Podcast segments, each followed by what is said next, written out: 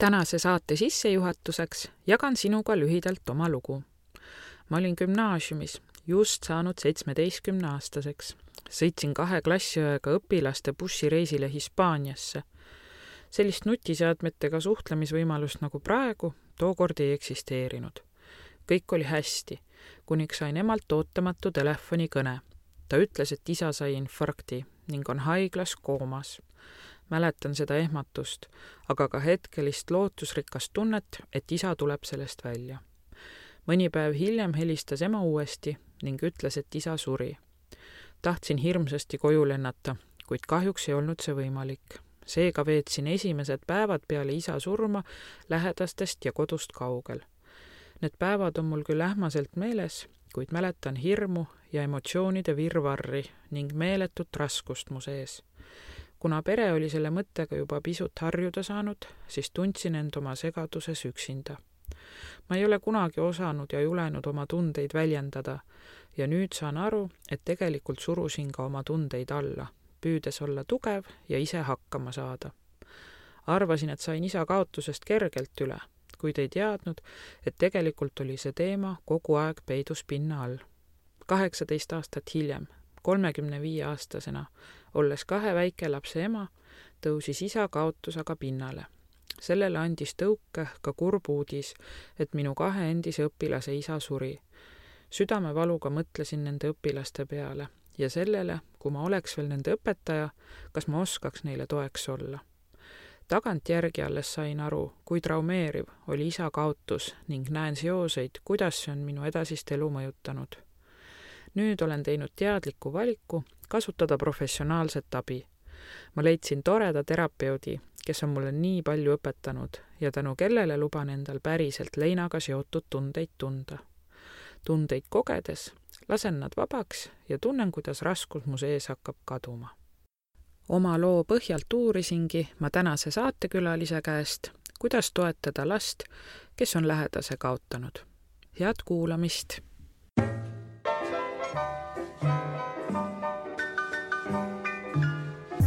tere, tere, hea kuulaja, algab saade Õpime koos ning sinuga on Signe Varendi. ja meie tänane saatekülaline on Naatan Haamer ja mõned äh, head aastad tagasi olime me Naataniga ka naabrid, kuid siis me tööst ei rääkinud. aga täna tahtsin teda saatesse kutsuda just tema eriala pärast et Naatan on äh, leina- ja kriisinõustaja, terapeut ning äh, ka õppejõud ja tegelikult minu teada ka veel palju muid ameteid on tal et äh, täna siis tahtsin ma rääkida surmast ja leinast ja just sellest, et kuidas õpetajatena toetada õpilasi, kes on äh, leinas. tere, Naatan! tere, tere! mida teed sina hingedepäeval? no võib-olla süütan mõne küünla, mõeldes mõnele heale esivanemale või paljudelegi isegi tänulikult neile mõeldes. ma otseselt sellist plaani ei tee nüüd hingede päeval, et minu meelest hingede aeg on meie kultuuris olnud terve see pikk periood sügisel. Mihkli päevast toomapäevani aeg, kus ütleme, õhk on hõredam kahe maailma vahel. ja mõtleme võib-olla rohkem selliseid mõtteid, mis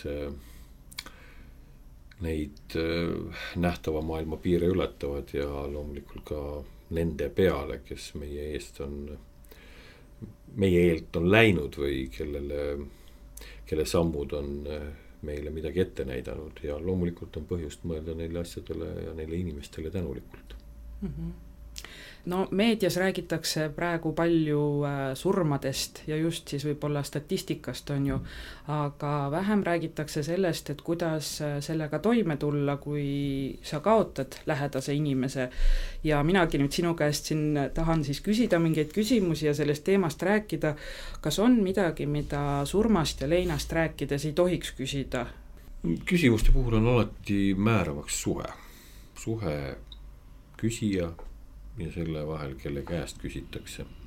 sest et ähm, küsimuste siht ja sügavus saab ka olla vastavuses selle suhte iseloomuga.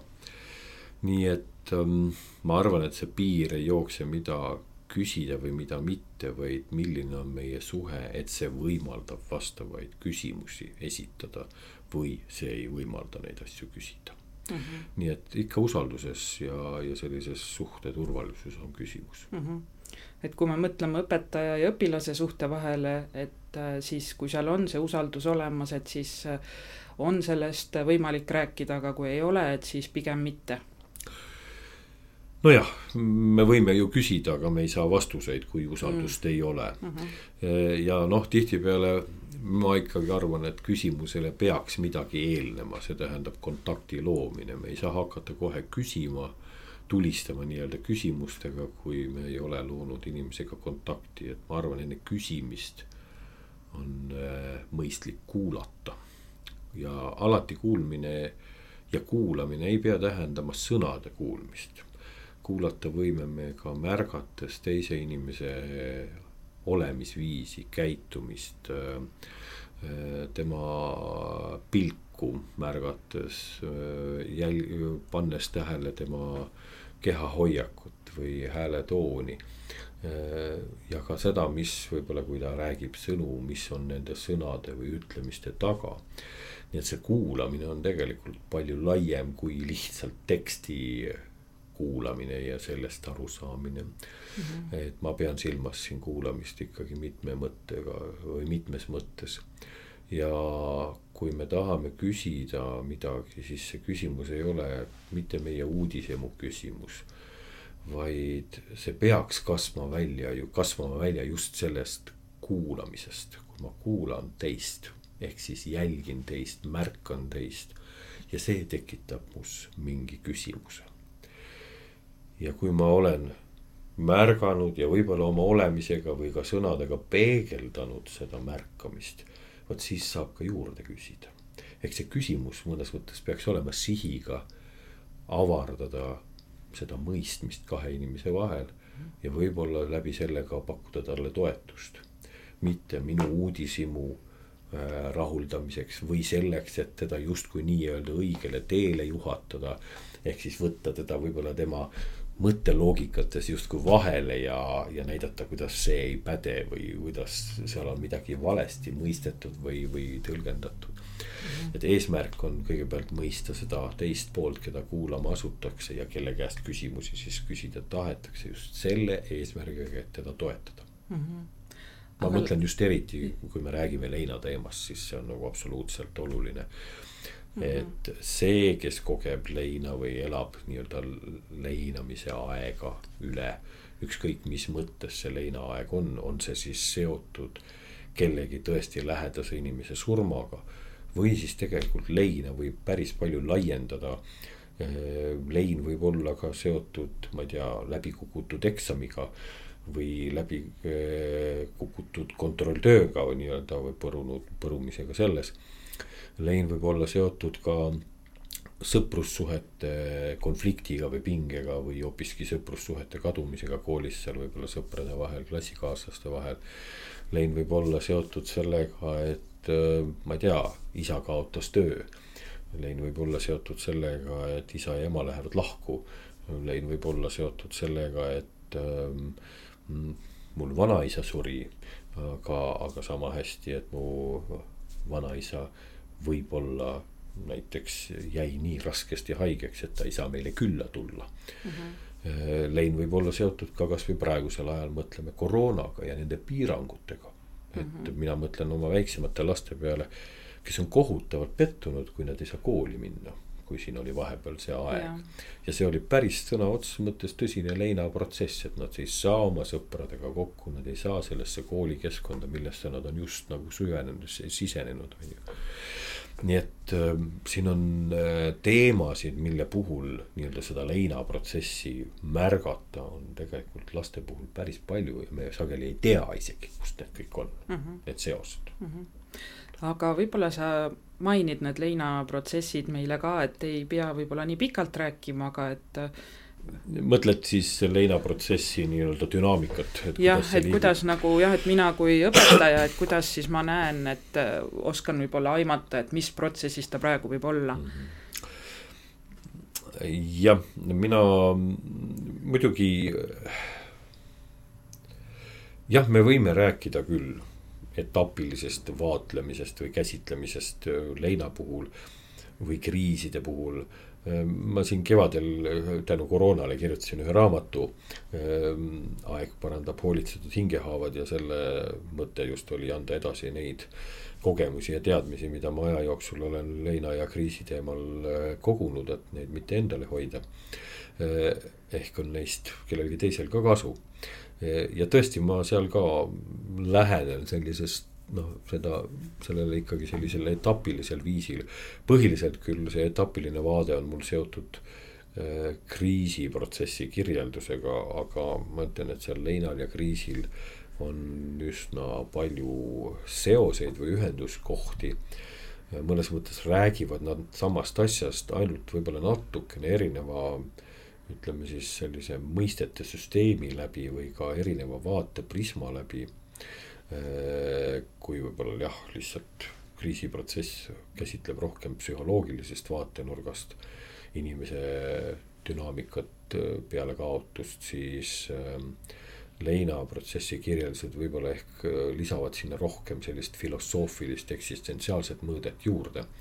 aga noh, päris üks-ühele see ka nii ei ole, aga noh, ütleme laias laastus võib seda nii öelda mm. -hmm. kui ma mõtlen, et, et see tervest sellest protsessist siis äh, selge on see, et esialgu on see hästi ootamatu ja inimene püüab selle ootamatuse juures mm, nagu tasakaalu saavutada mingilgi määral, esmast tasakaalu.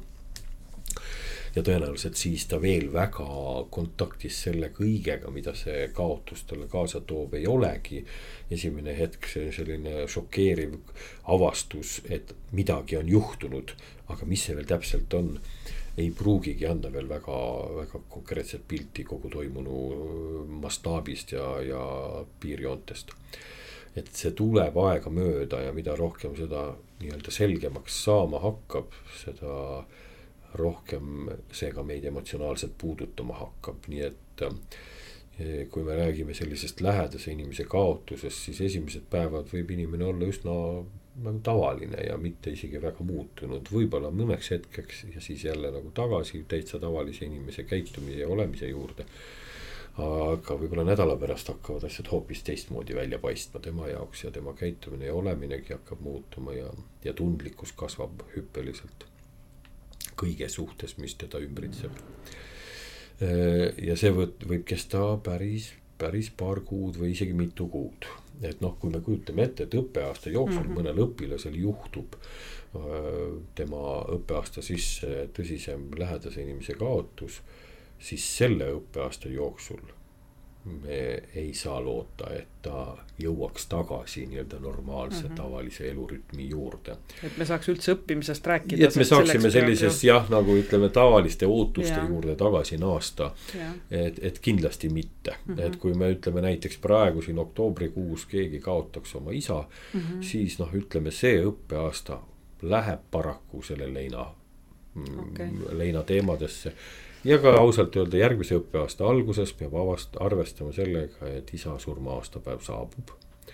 taaskord ja see viib tasakaalu jälle mõneks ajaks paigast ära, kuigi võib-olla mitte nii pikaks ajaks -hmm.. noh, üldiselt laias laastus võibki kujutada ette, et vähemalt aastaring tõsiste kaotuste puhul läheb ikka ära. ja ja see, et inimene tõesti nii-öelda sellise teatuva toimetuleku juurde tagasi tuleb, võib esialgu tunduda päris noh, nagu et juba läheb hmm.. mõne nädala pärast vaatad, et inimene toimetab nagu ennegi. aga päris see nii lihtne ei ole, et noh, lapsed on võimelised tõesti ennast kuidagi mingites situatsioonides hästi mobiliseerima ja hoidma ennast mingil lainel aga kui läheb selliseks sisuliseks näiteks kasvõi teadmiste kontrolliks, siis eh, see pindmine, hoitud selline positiivne tase näitab ennast kohe, kuidas, kui hõre see tegelikult on. Ja, ja kui raske tal on tegelikult päriselt keskenduda ja hoida ennast õppimise lainel ja mõista tegelikult päriselt seda, mis toimub. sest küsimus on selles, et õppimine eeldab vasaku ajupoolkera protsesse ja, ja mhm. aktiivsust. -hmm. aga sellised kaotuskogemused tõmbavad esile paratamatult parema ajupoolkera emotsionaalsed protsessid ja me, kui me oleme hästi nagu jõuliselt emotsionaalses seisus, isegi kui see pealt välja ei paista, aga sisemiselt, siis mõtlemine, loogika, meeldejätmine on väga tõsiselt häiritud. ja isegi väga hea nagu õpetaja puhul ei pruugi see lihtsalt pärale jõuda, sest ta on kuskil mujal omadega mm. -hmm. ma ütlen veelkord, väliselt võib kõik tunduda väga normaalne mm -hmm. ja stabiilne, aga sisemiselt, mida see laps tegelikult läbi elab või mida ta kogeb, seda ongi pealtnäha päris keeruline äh, tihtipeale tuvastada. sest nad on tõepoolest suurepärased nii-öelda toimetulijad väliselt, aga mida see neile sisemiselt tähendab, on iseküsimus. ja noh, mina olen seda meelt, et äh, mingit toetust vajab iga laps, kui ta on tõsise kaotuse läbi elanud Mm, et see ei ole küsimus, et noh, vaatame, et kas tal on vaja toetust või mitte. nii ehk naa on vaja, iseküsimus on, kas ta oskab seda ise küsida. kas ta oskab sellest vajadusest ka märku anda, anda väljapoole. või eh, kas ta oskab seda endale üldse tunnistada, et tal seda vaja on. Eh, see sõltub hästi palju ka ütleme pere võib-olla sellistest harjumuspärastest eh, käitumistest.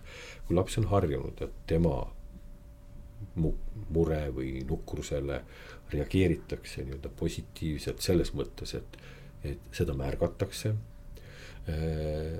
teda kuulatakse, püüdakse mõista, mida tema mure või nukrus sisaldab ja mitte kohe ei hakata lahendama, vaid esialgu ikkagi tuvastatakse see, millega uh mhm. -huh. on tegu, on ju, sest et. kui täiskasvanu hakkab oma meetoditega lahendama, siis see lapsele ei pruugi üldse sobida. Sest täiskasvanu on juba praktiseerinud paljusid asju mhm. -huh. oma elu jooksul, laps ei ole neid veel praktiseerinud. ja see, mis täiskasvanule iseenesestmõistetav tundub lapse jaoks, tal on veel pikk tee minna, enne kui ta üldse aru saama, mida hakkab, mida täiskasvanu mõtleb, on ju mm. -hmm. nii et selles mõttes on ikkagi hästi oluline kuulata, mida laps mõtleb, kuidas ta neid asju ise seletab.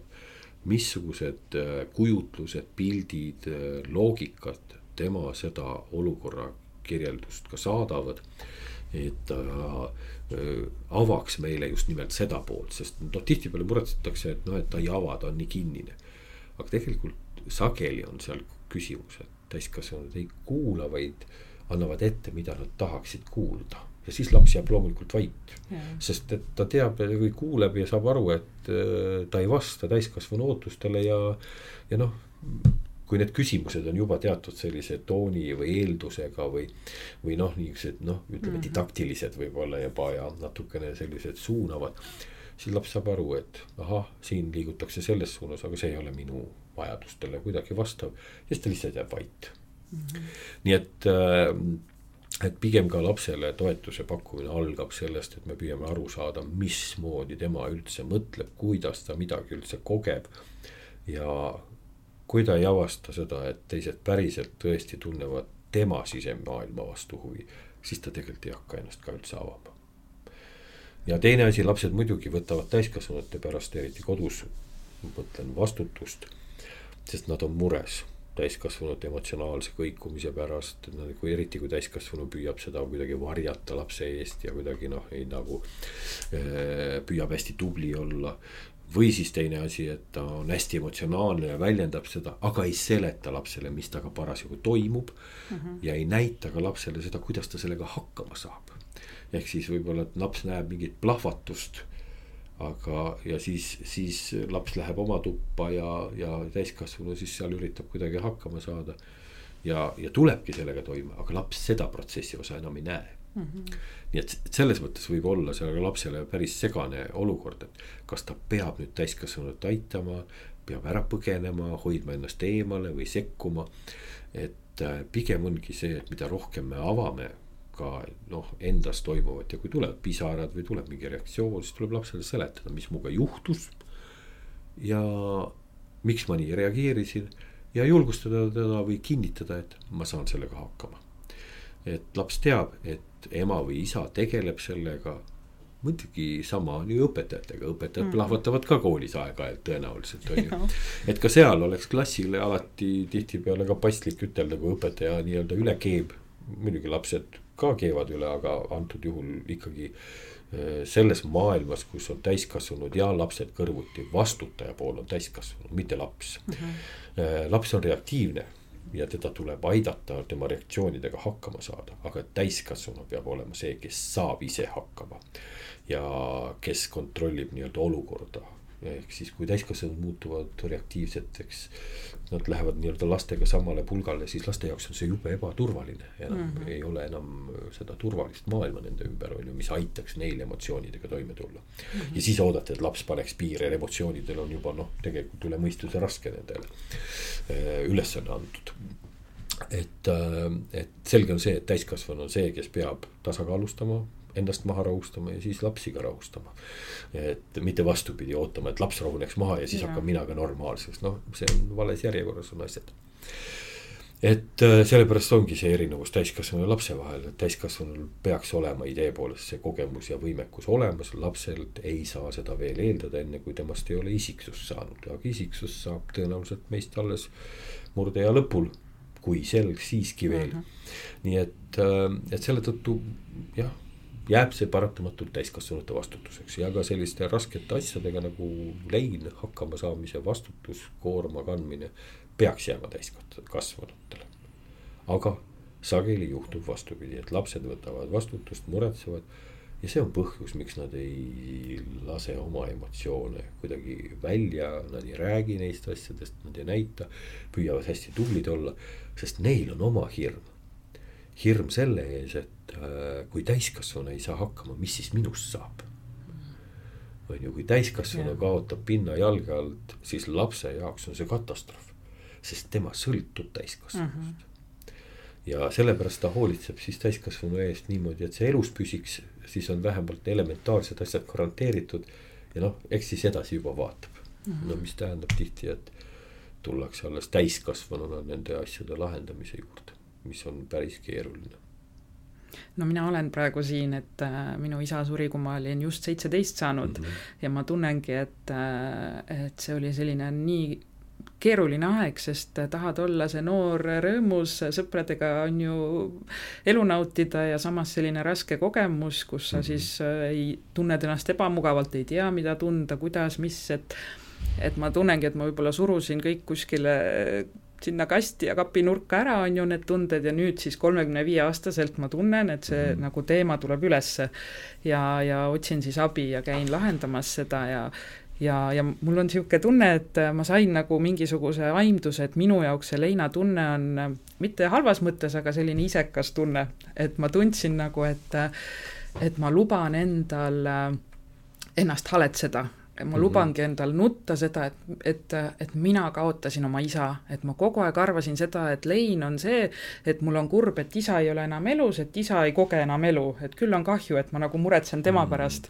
aga nüüd ma sain aru, et ei, et ma, ma olen kurb, sest minul ei ole enam minu isa et mina jään ilma temast kõigest ja. suurepärane avastus, see on, ma arvan, üks väga oluline arusaamine lein ongi väga ja. isiklik asi ja, ja isekas ka, miks mitte et ma just mõtlen, et meid on nagu justkui õpetatud ju olema sellised isetud ja et noh, et mõtleme teist, noh, et nagu mõtleme teiste peale, et oleme nüüd tugevad ja kõik, aga tegelikult see on selline nagu aeg, kus sa pead iseenda peale mõtlema ja laskma endal tunda neid tundeid, et võib-olla kui lapsel ei olegi lubatud erinevaid emotsioone tunda, on ju, et siis ongi keeruline, et lihtsam on need kuskile ära peita. ja, ja ma arvan, et see on see oluline mõte ka, mis võib-olla kuskil nagu on ka sellises äh, noh, võib-olla äkki Nõukogude kultuurist pärit ka, et, et surm on kaotus.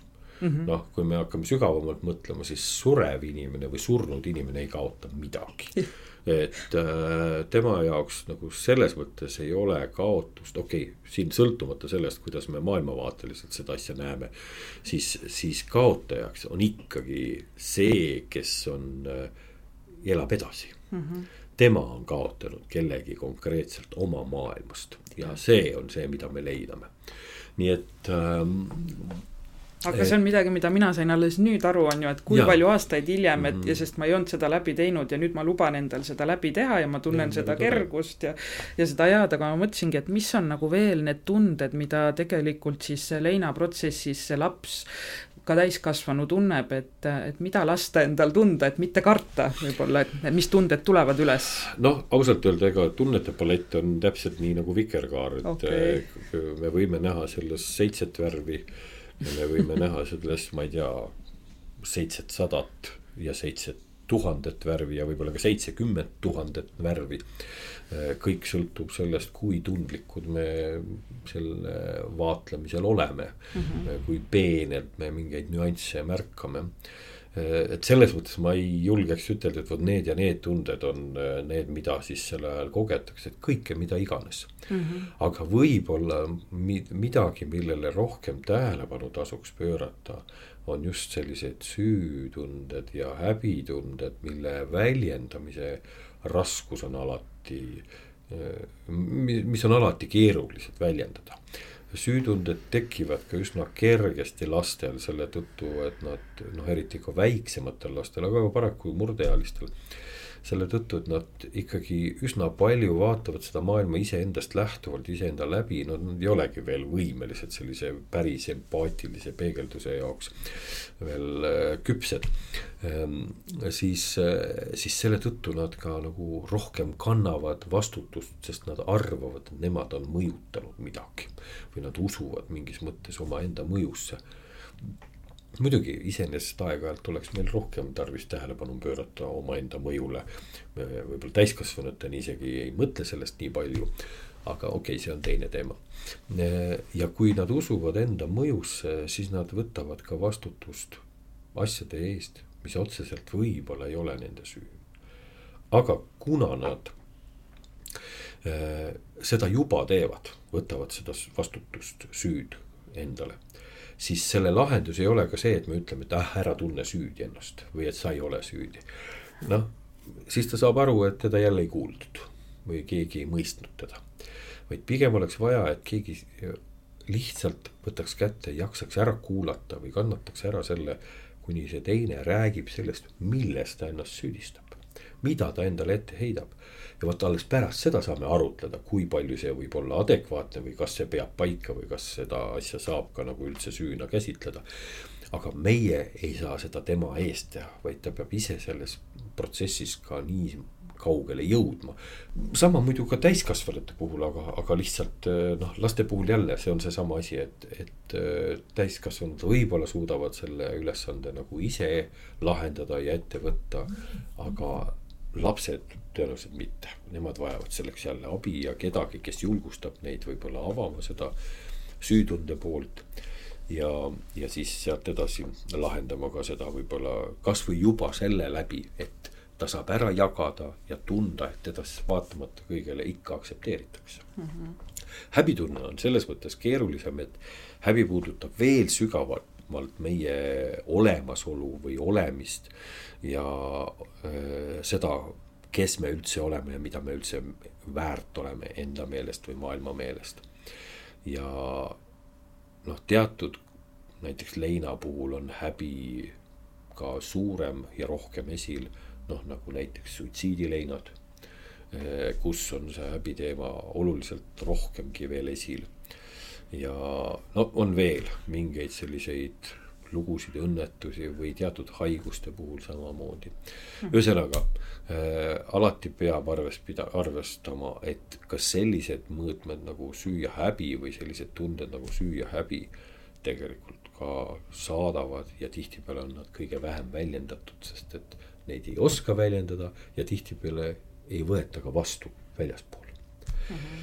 nii et Äh, tunded tegelikult vajavad väljendamist ja eriti noh, ma mõtlen just sellises suhteliselt sündmuse vahetus läheduses, ma pean silmas esimest võib-olla paari-kolme kuud. seda mina pean vahetuks sündmuse lähedaseks mhm. ajaks mm. -hmm. et, et, et äh, mulle tundub, et tihtipeale mõeldakse, et vahetu lähedus on see kaks pool päeva peale sündmust. siis tegelikult me unustame ära selle, kui kui me räägime mõjuvatest enda elu väga olulisel määral, väga mastaapselt muutvatest sündmustest, siis sündmuse selline aktiivne mõju kestab ikka päris mitu kuud mm. -hmm rääkimata sellest, et ta üldse pikemas perspektiivis mõjutab ja muudab meie elu, aga selleks, et saada teatavgi oskus seda elu käsitleda uuel moel läheb meil ikka kuid aega. no kasvõi kujutage ette, et, et põhimõtteliselt äh, ühel hetkel käsi on kipsis. Parem käsi või näiteks, kui sa paremakäeline oled ja. ja parem käsi on kipsis ja sa ei saa sellega enam kirjutada. kui kaua läheb aega, et sa õpiksid vasaku käega kirjutama? mina olen vasakukäeline, ma ühe korra olen seda elus proovinud kuuendas klassis mm. -hmm. murdsin sõrmeluud vasakul käel ja siis ma olin kipsis. ja ma õppisin parema käega kirjutama, ega ma, muidugi ma hädapärast kirjutan ja. praegugi ära, aga see ei ole seesama asi no, kasvõi noh, lihtsalt selline lihtne võrdlus mõelda, et. Et kui me räägime nagu millegi uue õppimisest ja kui ma olen õppi, õppinud isaga elama ja nüüd ühel hetkel isa ei ole mm. -hmm. või ma olen õppinud küll elama ilma isata. aga kuskil on teadmine temast olemas ja ma olen saanud teda ikkagi külastada, isegi sellest piisab, et ühel hetkel mul on täitsa uus maailm mm. -hmm. kuigi noh, vahest öeldakse, noh, tal isa ju ei tegelenud üldse lastega. see ei määra eriti palju kuidas laps tajub mm. seda suhet minul oli väga ilus lapsepõlv ja ma arvan, et noh, kõige ideaalsem, mis olla saab, aga ometigi enne surma, kui ma olin teismeline, olid isaga suhted keerulised ja ma mäletangi seda tunnet, kus või seda mõtet mu peas, et võib-olla oleks lihtsam, kui isa oleks ära surnud või sureks ära mm. -hmm. ja kui see siis juhtus, siis seesama süütunne, millest sa rääkisid yeah., et ma julgesin mõelda sellist asja, nüüd ma sain, mis ma tahtsin ja seda kanda siis läbi elu endaga, et ja nüüd lõpuks ometi rääkida sellest, et, et see on raske tõesti, et yeah., et see oli hästi varjatud, mitte keegi ei, noh, ei teadnud, ma ju ei julge, kelle, mul on ja. häbi, et ma üldse niimoodi julgesin mõelda. et äh, see on, et sellepärast mul on hea meel, et sa ütlesid, et noh, laste puhul ikkagi tuleb kindlasti abi otsida või abi siis nagu ka väljaspoolt juurde paluda, et äh, et ei tekiks selliseid asju võib-olla. no vähemalt jah, sellele peab tähelepanu pöörama, kas alati kõiki lapsi on sellisel moel võimalik aidata mm. -hmm. noh, ma arvan, et juba aitab väga palju see, kui last aktsepteeritakse tema reaktsioonidega mm -hmm. ja, ja, ja noh, ei tekiks sellist nagu äh, kriitilist etteheitvat tooni tema käitumise muutusele kui seda on tõesti nagu märgata. Vaid mm -hmm. pigem püütakse mõista, mis on selle käitumise muutumise taga mm -hmm.. kasvõi näiteks selle õppeaasta jooksul me saame aru, et õpilase käitumine muutub selle tõttu või noh, üks mõni aeg tagasi, mõni aeg tagasi oli selline lugu, kus minu juurde jõudis siis. kas oli kolme-neljateistaastane noormees, kelle käitumine oli peale uut aastat muutunud radikaalselt selliseks konfliktseks klassikaaslastega, koolikaaslastega, õpetajatega ka mm. -hmm. ja noh, minu poole pöörduti kui pereterapeudi poole, et, et ma nii-öelda poisi korda saaks teha aga siis äh, esimese vestluse või esimese kohtumise lõpupoole tuli välja, et, et sellel noormehel oli kuskil kevadel siis nüüd peaaegu juba noh, aasta, aasta tagasi mm -hmm. isa surnud ja, ja nüüd olid esimesed jõulud ilma isata uh. Mhm. -huh. ja see vallandas -huh. korraga selle leinaprotsessi sellisel moel. sinnamaani ei olnud nagu see uh mhm. -huh. kuidagi nii esile olnud. ja, ja noh, tõesti juba kolmveerand aastat möödas keegi ei tulnud nagu selle peale, et, et seal võivad mingid seosed olla, aga, aga tegelikult oli küsimus sõna otseses mõttes leinareaktsioonis, mis siis tuli sellise kolmekümne aastase nihkega. ja ma arvan, et see on üks lugu, aga ma võiks siia näiteks tuua päris palju selliseid sarnaseid lugusid, kus see pika sellise välbaga hakkavad mingid sümptomid väljenduma, sellepärast et nendega ei ole võib-olla, neil ei ole varem tähelepanu pööratud või isegi ei ole selle peale tuldud, et. et neil võiks olla koht selle lapse elus näiteks mm. -hmm. käitub nii normaalselt, nagu mulle üks mm. -hmm. kunagi üks lasteaiaõpetaja ütles, et oi ei noh, mõni nädal peale ema surma, et ei, ei nad, nendel on kõik korras ja hästi, et nad mängivad nii ilusti mm. -hmm. on ju, ehk aga mida see laps selles olukorras tegema peaks, loomulikult teeb ta seda, mis talle on tuttav ja turvaline ehk mäng. see on ja. ainus asi, mis tal praegu hetkel kogu selle maailma kaose sees järgi on jäänud mm. -hmm. ta keskendubki sellele, mida ta oskab ja mis teda päästab aga see ei tähenda, et tema sisemuses kõik tasakaalus oleks ja korras oleks, et ta ei leinaks mm. -hmm.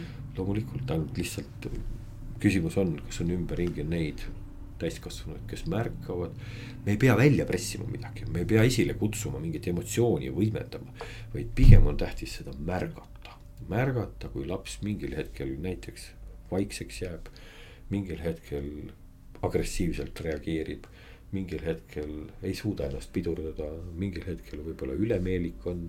mingil hetkel ei suuda keskenduda, mingil hetkel ei suuda ütelda välja lihtsamaidki mõtteid, mida võiks selle vanuse laps tegelikult väljendada ja suuta võib-olla loogikatest mm -hmm. arendada. et, et mitte selles olla nagu pettunud, et laps ei saa sellega hakkama, vaid mõista, mis seal taustal võib olla mm. -hmm. ja, ja tegelikult sellist hoolivat, toetavat olemist selle lapse kõrval oleks tegelikult vaja rohkem. ja sellega aitame palju rohkem kui igasuguste võib-olla mm, keeruliste ja geniaalsete psühholoogiliste praktikatega. kuigi ma ei taha öelda, et neid ei oleks vaja, loomulikult on aeg-ajalt ka neid vaja. aga kõigepealt määrab inimlikkus, kõigepealt aitab inimlikkus ja selline just selline päris ehe märkamine.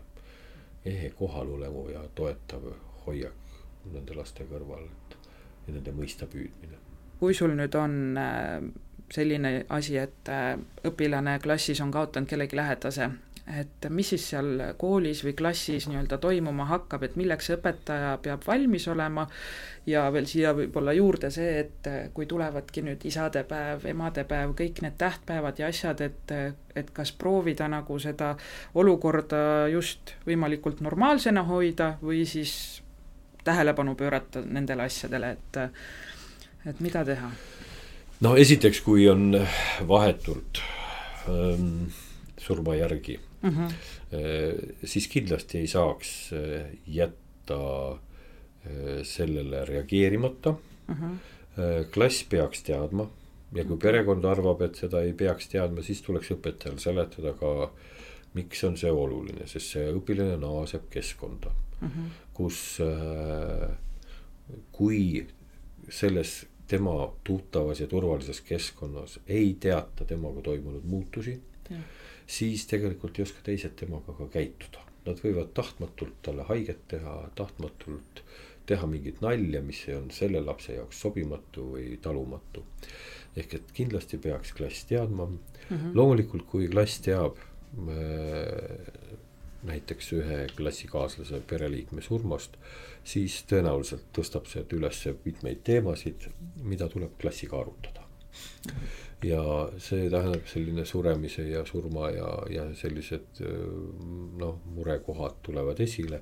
ja eriti, kui on seal veel klassis teisi õpilasi, kellel on kaotusi selja taga, siis neid tuleks eriliselt tähele panna aga muidugi hea on, kui sellisesse klassi kutsutakse ka keegi spetsialist, kes äh, oskab natuke nende teemadega midagi veel ette võtta. aga ma arvan, et isegi kui ei tule seda spetsialisti, klassijuhataja peaks olema see, kes selle teemal klassi ühel hetkel ikkagi kokku võtab mm. -hmm. ja räägib neist asjadest rahulikult, ilma liigse traagikata äh,, normaliseerivalt nii-öelda ehk et ka neid laste reaktsioone ja mõtteid ja tundeid aktsepteerides ja neid ka, neile ka nii-öelda andes sõnumit, et sellised reaktsioonid, sellised mõtted kuuluvad olukorra juurde, mis selliseid mõtteid tekitab või tundeid tekitab. et selles ei ole midagi eriskummalist, sest lapsed sageli kardavad endaga toimuvaid reaktsioone mm. -hmm. sest nende jaoks see on nii hirmutav, kui nad niimoodi ju täitsa teistmoodi reageerivad. ja, ja siis vajavad nad kedagi, kes on natuke elukogenum, kes ütleks, et see on täitsa okei okay,, et sa oled vihane või see on täiesti normaalne, et, et sa süüdistad kedagi või sa ennast süüdi tunned. see on täiesti normaalne, et sa vahetevahel ei suuda ennast taltsutada ja, ja ülemeelikult naerda tahad mm. -hmm. või noh, ja nii edasi, on ju. et, et keegi kuidagi aitab sellel, mis lapsega toimub nii-öelda seda lihtsalt nagu sõnadesse panna ja ütleb, et see kõik on nii, nagu peabki reageerima sellele olukorrale. ja mõnes mõttes see kõik muutub, tugev emotsionaalne reaktsioon taandub mõne aja pärast. võib-olla kuu-paari pärast hakkab sealt juba vaibuma kõik see ja võib-olla natuke mõnel puhul kestab kauem, aga noh, ütleme, kes otseselt puudutatud ei ole, neil muidugi läheb enamasti see võib-olla mõne päevagagi üle juba, võib-olla nädalaga noh, see ma ütlen, et seda jälle on nii raske öelda et mhm. kui kaua miski võtab et aga üldiselt palju rutem. Neil, kes otseselt ei ole kaotust läbi elanud, aga nende lähedal klassikaaslane, sõber, pinginaaber on seda elanud, et siis nad loomulikult ei reageeri sama kaua kui see, kes on ise otseselt kaotuse osaline mm. -hmm. Aga õpetajatel on jah mm, oluline, et, et jäädaks selliseks äh, rahulikuks ja normaalseks ja asjalikuks mm,. aga samas sõbralikuks ja inimlikuks mm. -hmm et võib-olla see on kõige, kõige üldisem mm. -hmm. ma ikka olen aeg-ajalt koolides käinud, kui on ka sellist kooli laiemalt puudutanud sellised sündmused.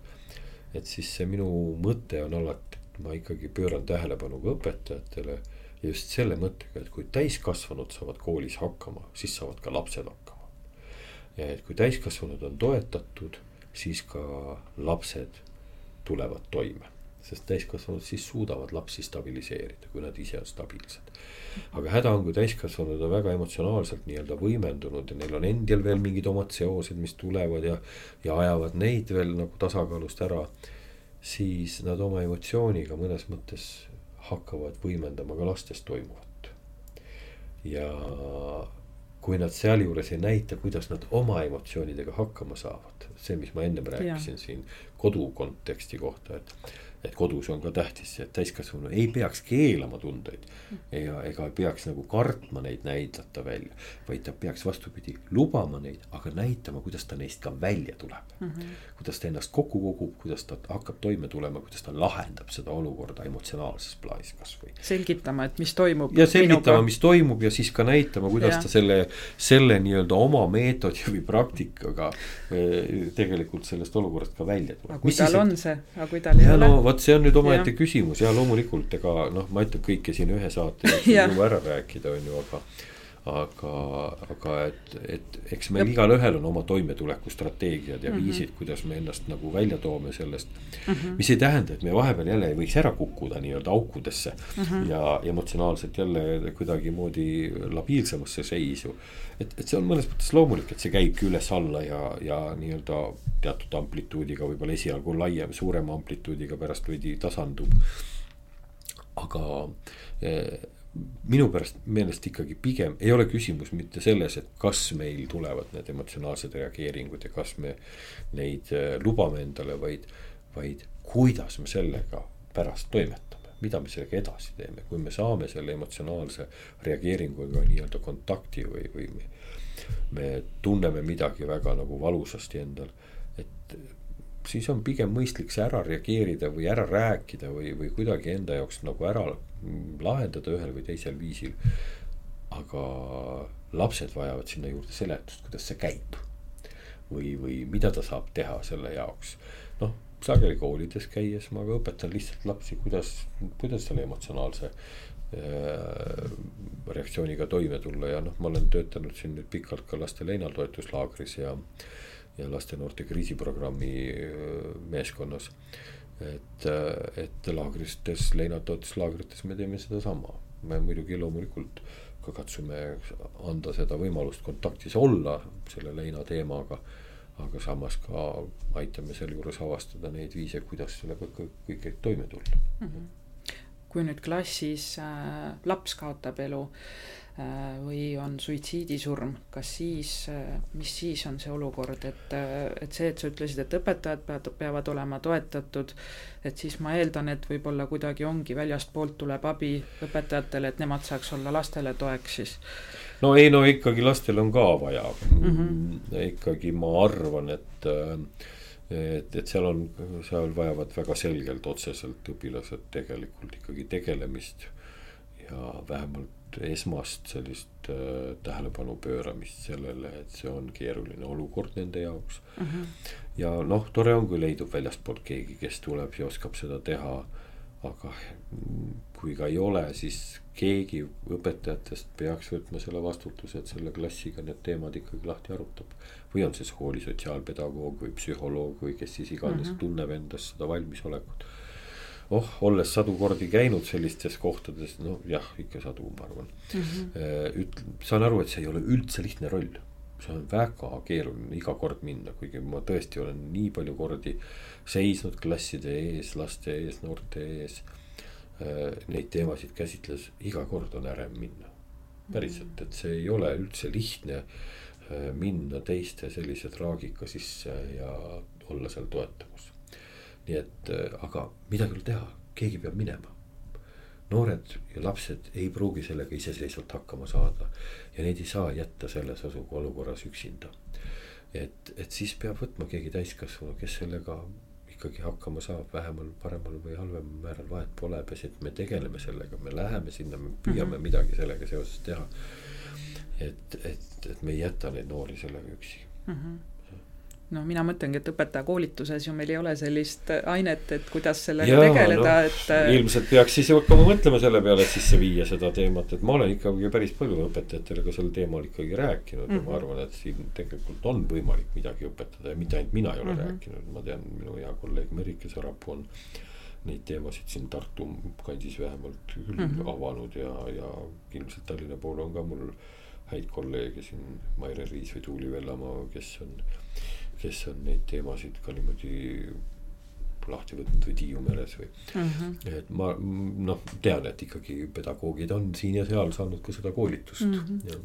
no see tuleb siis juba töö käigus, ma kujutan ette, et mm -hmm. kui oled juba kooli tööle asunud, et siis juhtkond pöörab sellele tähelepanu, et no. oleks see ettevalmistus, et kui see juhtub, sest see on ju asi, mida keegi ette ei tea tegelikult kunagi. täitsa et... koolide kutsel käinud päris koolimajas, ühes koolis konkreetselt või noh mm -hmm., nagu konkreetses koolis kooli direktori või, või juhtkonna kutsel õpetajatele seda koolitust tegemas mm. -hmm. mitte üks kord, vaid päris mitu korda. nii et täiesti vabalt võib seda ka nii teha mm. -hmm. Ja miks mitte, ma, ma saangi aru, et ega siis õpetaja koolituse raames ei jõuagi kõiki asju ära õpetada just. et ühel hetkel elu hakkab lihtsalt neid teemasid ise ette pakkuma mm, -hmm. pakkuma, mida on vaja rääkida mm. -hmm. aga et selline võimalus on olemas, et. noh, jah, jõudumööda ikka on jah mm, -hmm. kes, kes siis parasjagu seda teemat saab teha, aga ise olen neid teemasid jaganud mm. -hmm aga kuhu veel pöörduda, kui nüüd ongi, et äh, koolis on midagi sellist juhtunud ja mina näiteks äh, klassijuhatajana tunnen, et ma olen üksinda selles, ma ei, ma ei oska, ma ei tule mhm. toimu, toime, et äh, kuhu ma pöörduksin, et abi saada? no ma arvan, et koolipsühholoogid võiksid olla ühed, kellel on vähemalt ma oletan, et võiks olla sellealane ettevalmistus või vähemalt mingigi teadmine selles osas mm. -hmm. kooli sotsiaalpedagoogid, okei okay,, see on kooli enda sisering. ma olen ka kuulnud statistikat et, et kolmekümnel protsendil Eesti koolidest on koolipsühholoog, mis on mm -hmm. väga, väga kurb. et, äh, et ja, kui ja. ei olegi sellist võimalust mm. -hmm. no siis äh, loomulikult äh, on, suuda öelda nüüd see, Rajaleidja mm -hmm. Rajaleidja keskused, kus äh, üldiselt võiks olla sedasorti pädevust, ma ei saa nüüd kõigi piirkondade eest küll kindlasti ütelda, rääkida. aga, aga et seal võiks olla, siis on noh, meil siin Tartus on nõustamise kriisiabikeskus. Äh, võib-olla, kes, kes oskab aidata, erinevad nõustamiskeskused. Tartus Ambromed, ma ei tea, kui palju tegeleb, Katriito tegeleb noh, on sellised, sellised eh, psühhoteraapiakeskused, mis ka abistavad ja nõustavad mm. -hmm. no ja noh, näiteks ütleme selline ööpäevane ring, selle koha pealt võin ise, ise ütelda ja lubada, on hingehoiutelefon, mis mm -hmm. toimib ööpäevane ring, see abitelefonina ja seal on tõesti hingehoiu eriala väljaõppega inimesed kes tõesti neist teemadest ka teavad ja oskavad neil teemadel kaasa rääkida. et miks mitte ka esmast nõu või abi või jagamise kohta lihtsalt kasutada selle telefoni abil. kas see number on sobilik ka siis, kui mul on klassijuhatajana tunne, et mu klassis on õpilane, kes on äh, raskes olukorras, kellel on, kes on väljendanud võib-olla suitsiidimõtteid? noh, võib-olla, et arutleda jah, natukene, miks mitte ka seal võiks, võiks seda rääkida. kuigi võib-olla oleks sobivam soovitada sellel noorel ise sinna helistada on ju, sest et aga muidugi, miks mitte ka kolmas isik, kes, kes võib-olla tunneb muret, äkki saab mõne, rääkides mõne hea idee. jah, et kuidas läheneda noorele, võib-olla kui näiteks ei olegi seda kontakti Mhm. sellist, aga ta on märganud võib-olla käitumises midagi, jah, just, et, et kuhu soov minna mm. -hmm. jah. nii, aga mina sain äh, vestluse käigus äh, selle teadmise, et kui ma kooli tagasi lähen, et siis äh, ma tahaksin sellist pikemat koolitust ikkagi, et valmis olla, et need teemad ka minu enda näite puhul, need tulevad nii ootamatult, me ei ole nendeks valmis ja, ja õpetajana ma tunnen, et ma tahaks olla toeks õpilastele. Nii Ja, et äh, aitäh sulle, Naatan, et sa leidsid sel kiirel perioodil aja minuga maha istuda ja rääkida ning äh, rahulikku hingede aega sulle. aitäh Teile kõigile kuulajatele samuti rahulikku hingedeaega ja järgmise korrani.